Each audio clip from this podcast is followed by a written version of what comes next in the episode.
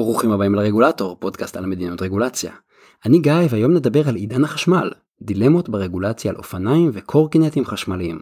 החל מלפני כמה חודשים חובה על רוכבי אופניים חשמליים בישראל לחבוש קסדה. וזאת הזדמנות טובה לדבר על הרגולציה החדשה והמתהווה בתחום. בשנים האחרונות עלו על הכבישים ועל המדרכות הרבה אופניים וקורקינטים חשמליים. מדובר על כלי רכב ממונעים קלים, קטנים וזולים. כמו כל פעילות וכל כלי רכב, הם כרוכים בסיכון. והשאלה היא, האם יש צורך ברגולציה ממשלתית? ואם כן, מה צריכים להיות הכללים? האתגר הוא שמדובר בתופעה חדשה, ולכן אין לנו הרבה נתונים או ניסיון. ואנחנו גם לא לגמרי מבינים לאן התופעה הזאת הולכת ואיפה היא תהיה בעוד 5 או 10 שנים.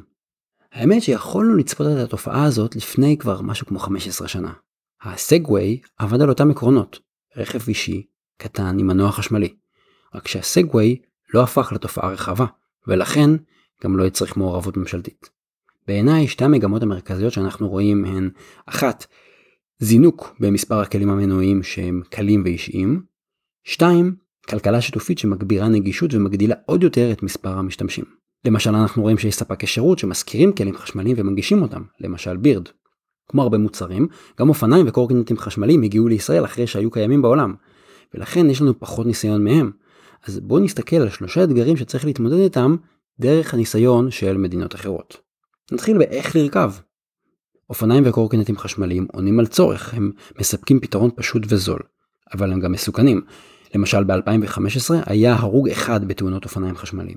ב-2018 עד ספטמבר 18 היו כבר 16 הרוגים שהיו מעורבים בתאונות אופניים חשמליים. בבלוג תוכלו למצוא תרשים עם מספר הנפגעים מתוך דוח של מרכז המחקר והמידע של הכנסת. אגב, מה שמוזר זה שבתקופה הזאת של 2015, 16, 17, 18, אופניים חשמליים גרמו להרבה יותר נפגעים מקורקינטים חשמליים, וזה שווה בדיקה. אחת הטענות היא שהסיבה לתאונות ולרמת הסיכון הגבוהה היא שמדובר ברוכבים לא מיומנים, או כאלה שמתפרעים ולא ממש יודעים איך לנהוג. אם זה אכן נכון, וצריך להקנות מיומנות, ידע וניסיון, משטר של אישורים מראש, למשל חובה להחזיק ברישיון נהיגה, יכול להיות פתרון מתאים. מצד שני, אם הסיבה לגידול בתאונות היא הפופולריות הרבה בשנים האחרונות, יכול להיות שפשוט צריך לוודא שהרוכבים מוגנים, למשל באמצעות הגבלת מהירות, חובה לחבוש קסדות ומגנים, תשתית מתאימה. ואולי הסיכון הוא לא לרוכבים, אלא להולכי רגל, כי לפי הממ"מ, מרכז המחקר והמידע של הכנסת, אני מצטט, מספר תאונות האופניים החשמליים שבהם נפגע הולך רגל גבוה ב-40% ממספר תאונות האופניים הרגילים שבהם נפגע הולך רגל. זאת אומרת, אופניים חשמליים יותר מסוכנים להולכי רגל מאשר אופניים רגילים. אז החיכוך בין רוכבים להולכי רגל מעלה שאלה אחרת. איפה צריך לרכב? אנחנו מדברים פה על רכב מנועי, אבל קל, קטן ואיטי בהשוואה למכוניות ואופנועים. רוב הכלים האלה אה, מגיעים עד ל-25 קמ"ש, גם זאת גם המגבלה החוקית. בעוד שקטנוע עובר את ה-50-60, רכבים אין בכלל מה לדבר. אז יש לנו רכב מנועי קטן, קל ואיטי יחסית, אז איפה עדיף שהם יהיו? כשהם נוסעים על המדרכה הם מסכנים הולכי רגל, כשהם נוסעים על הכביש זה בעצם מסכן את עצמם וגם הם מפריעים לתנועה. וכשהם נוסעים על שבילי אופניים הם מסכנים את רוכבי האופניים כי הם נוסעים יותר מהר מהם ומדובר בכלי יותר כבד ויש גם טענות שהאופניים החשמליים והקורקינטים החשמליים יוצרים עומס על התשתיות כי השבילים האלה לא היו מיועדים לכל כך הרבה תנועה.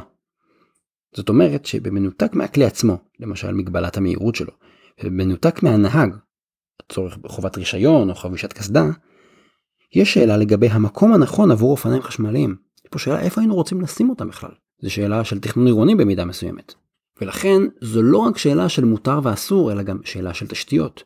האם קיימת תשתית רכיבה עבור האופניים והקורקינטים החשמליים שמספקת בטיחות לכל עוברי הדרך? הולכי רגל, רוכבי אופניים, רוכבי אופניים חשמליים, נוסעים ברכבים מנועים כבדים. סוגיה שלישית היא איפה לחנות. אז בהתחלה ראינו חדירה מהירה של אופניים וקורקינטים חשמליים לערים. ועכשיו אנחנו גם רואים חדירה מהירה של שירותי השכרת אופניים חשמליים. בהתחלה ראינו חדירה מהירה של אופניים וקורקינטים חשמליים, פתאום הם היו. ועכשיו אנחנו רואים חדירה מהירה של שירותי השכרת אופניים וקורקינטים חשמליים. חברות שמפזרות את הכלים האלה ברחוב ומנגישות אותם לכולנו. כבר לא צריך לקנות אופניים חשמליים, אפשר לשכור אותם בקלות ובמחיר נוח. אבל השירותים השיתופיים יוצרים שאלה לגבי מקום החניה של האופניים. כי קורקינט פרטי שלי אני כנראה אעלה אותו אליי הביתה. אבל לימוד ציבורי, בהגדרה, הוא גר ברחוב. קורקינטים כמו של בירד למשל אפשר להחנות בכל מקום הם נקראים דוקלס. ולכן גם כשהקורקינטים חונים הם עלולים לגרום להפרעה להולכי הרגל. אז אולי צריך לקבוע כללים לגבי איפה מותר להחנות אותם? אולי צריך להקים מקומות חניה ייעודיים כמו חניונים לרכב וחניה של רכב בכחול לבן? מצד שני, היופי והנגישות הרבה של הכלים האלה מגיעה מזה שאין להם חניה ייעודית מוגדרת, שאני יכול לחנות אותה בכל מקום. אז יכול להיות שהפתרון הנכון הוא פשוט להגיד שמותר לחנות את הכלים האלה בכל מקום, בהינתן שזה לא מפריע. לא מפריע לכלי רכב, לא מפריע להולכי רגל, לא חוסם מדרכות או לא חוסם גישה לכניסה לחצרים. יש פה שאלה, אם אני רוצה לסגור מאוד ולהגביל את החנייה, או שאני הולך פתוח ואומר כל עוד אתה לא מפריע לא ממש משנה לי איפה אתה חונה. אז כמו שאתם רואים, יש לנו הרבה שאלות פתוחות. ועולה השאלה איך מתמודדים איתם במציאות. אז הנה שני סיפורים קצרים. הראשון הוא על רכיבה שיתופית בעיר המלאכים. בלוס אנג'לס, התושבים התלוננו על רוכבי קורקינטים חשמליים שנוסעים על שבילי אופניים ומחנים אותם על מדרכות. אז בשלב הראשון, עיריית לוס אנג'לס הוציאה לבירד מכתב שדרש מהם להפסיק את הפעילות שמפריעה לתושבי העיר. ככה, להפסיק לגמרי. זאת עדיין לא הייתה רגולציה ממש, אבל זה היה צעד מאוד מאוד דרסטי. והצעד הזה נועד לאפשר לבירד ולמפעילים אחרים לגבש פתרון בעצמם, זו הייתה מין אה, אזהרה כזאת. וכשזה לא קרה, החברות לא עשו איזשהו שינוי מהותי, העירייה הוציאה רגולציה זמנית, בעצם פיילוט לשנה אחת, שקבעה שחברות שמשכירות אופניים וקורקינטים חשמליים חייבות לקבל רישיון מהעירייה.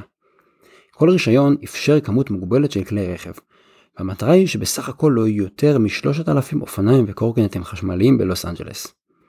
מבחינתם חלק מהותי מהבעיה הוא הכמות, הוא העומס, מספר הכלים האלה. בנוסף, במסגרת הרישיון הזה, כל חברה חויבה להחזיק פוליסת ביטוח עם תקרה של לפחות 5 מיליון דולר, ולהפעיל מוקד שיהיה זמין 24/7 כדי לדווח על רוכבים שלא מצייתים לכללים. אז אנחנו רואים פה גם חובה שלה אה, לבטח את הרוכבים, וגם חובה לקבל דיווחים על רוכבים שלא מצייתים לכללים. לוס אנג'לס מתמקדת בחברות ההשכרה כחלק מהפתרון, וחלק מההסדרה של השימוש בקורקינטים חשמליים. ומה שבעיניי הכי יפה שם, זה שהם לא באו עם כל התשובות. הם קודם כל התריעו וקיוו שהחברות יעשו משהו, ואחר כך כשהם קבעו רגולציה, קבעו אותה באופן זמני. לרגולציה יש נטייה להתקבע ולהישאר איתנו הרבה מאוד שנים. אז הם קבעו רגולציה עם פיילוט לשנה, ואם לא נעשה משהו הפיילוט הזה יסתיים והרגולציה תתבטל. אז הם בעצם חייבו את עצמם לבחון את עצמם בעוד שנה ולראות אם הרגולציה הזאת עושה עבודה ואם היא מתאימה בכלל. סיפור שני הוא על כך שבתפוח הגדול אין קורקינטים. אז לעומת לוס אנג'לס, מי שהיה בניו יורק כנראה שלא נתקל בקורקינטים חשמליים. וזה בגלל שמדינת ניו יורק, זה כבר לא העירייה, זה כבר רמת הסטייט, מדינת ניו יורק הטילה איסור מוחלט על שימוש ברכבים ממונעים שהמנוע שלהם נשלט על ידי כידון של רוכב בעמידה. ציטוט A device with a motor attached and a handlebar for standing rider.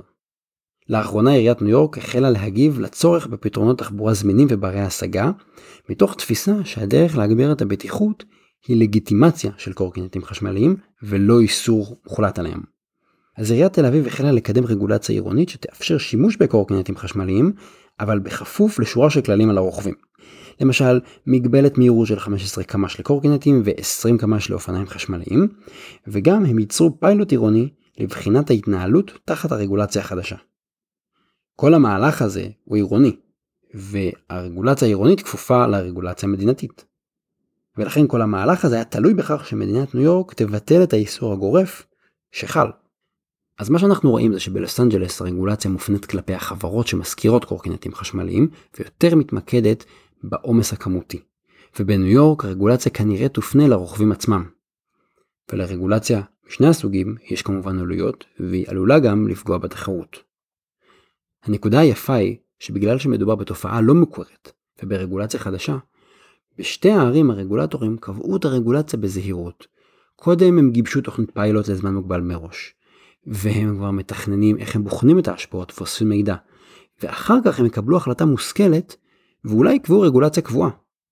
מה שאנחנו רואים כאן זה שכמו שחשוב לנסוע בזהירות, חשוב גם לקבוע רגולציה בזהירות. ועכשיו נעבור לפינת השאלות והתשובות, שבה אני עונה על שאלות שאתם שלחתם.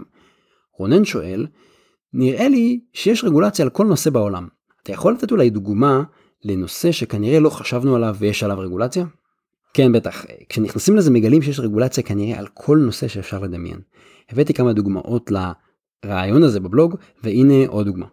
בואו ניקח דבר בסיסי כמו חול. האם יכול להיות שיש בישראל רגולציה על חול? בטח שכן. אספתי לכם כמה דוגמאות לרגולציה על חול מכיוונים שונים ומסוגים שונים. הראשונה היא הגנה על דיונות חול. בחוק גנים לאומיים, שמורות טבע, אתרים לאומיים ואתרי הנצחה, נקבע שאפשר להכריז על דיונות חול כערך טבע מוגן. זה כמו שמכריזים על פרח כפרח מוגן, אז ההגדרה הרשמית היא ערך טבע מוגן. ואם אני מכריז על דיונה כערך טבע מוגן, על דיונה ספציפית, אז בעצם אני אוסר על נהיגה עליה כדי לשמור על דיונת החול. הנה רגולציה אחת. רגולציה שנייה היא על כריית חול. פקודת המכירות מסדירה את השימוש בכל מיני משאבי טבע. אחד מהם הוא חול. אם אתם רוצים לכרות או לאסוף חול, אתם צריכים להפעיל מתקן שנקרא בעברית מחצבה. ובשביל זה אתם צריכים לקבל רישיון מהממשלה. מספר 3. עכשיו נעבור מהחול כמשאב, שצריך להגן עליו, לחול כסכנה. פקודת סחף החול עוסקת במניעת סחף קרקע. זה מצב שבו קרקעות נסחפות באופן שעלול לפגוע באחרים, או שבעקבות הסחף הקרקע כבר לא תהיה פוריה. לפי הפקודה, הממשלה יכולה לנקוט בכל מיני פעולות כדי למנוע סחף חול, והיא יכולה גם לתת לציבור הוראות כדי למנוע מצב כזה שהחול ייסחף. בעצם פעולות של שימור קרקע. את הדוגמה הרביעית אפשר למצוא בהרבה מקומות, בהרבה חוקי עזר עירוניים. יש לנו התייחסות לכל מיני חוקי עזר עירוניים, למשל איסור להשאיר בחצר פסולת בניין. אתם יודעים איך פסולת בניין מוגדרת? אני לוקח פה את ההגדרה מחוק העזר של אשקלון.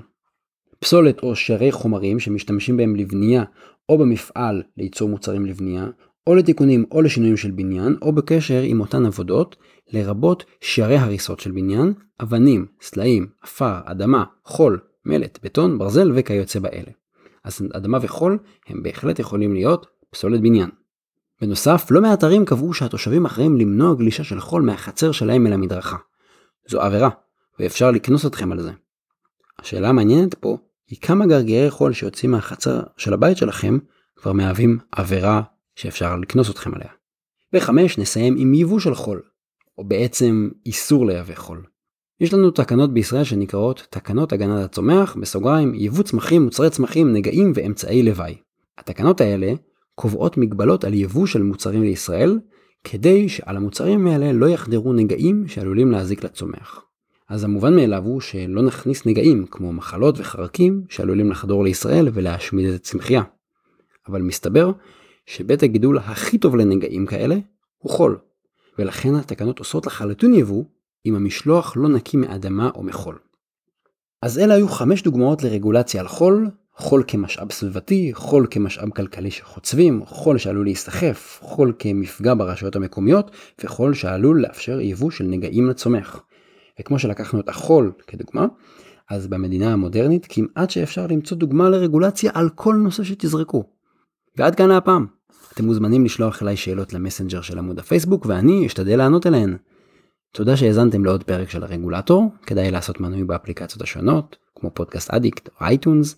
אתם מוזמנים לעקוב אחריי גם בבלוג וגם בפייסבוק. בבלוג תוכלו למצוא לינקים למקורות ולפוסטים נוספים בנושא. תודה לסוניק פורמאץ על עריכת הסאונד, התכנים משקפים את דעותיי בלבד.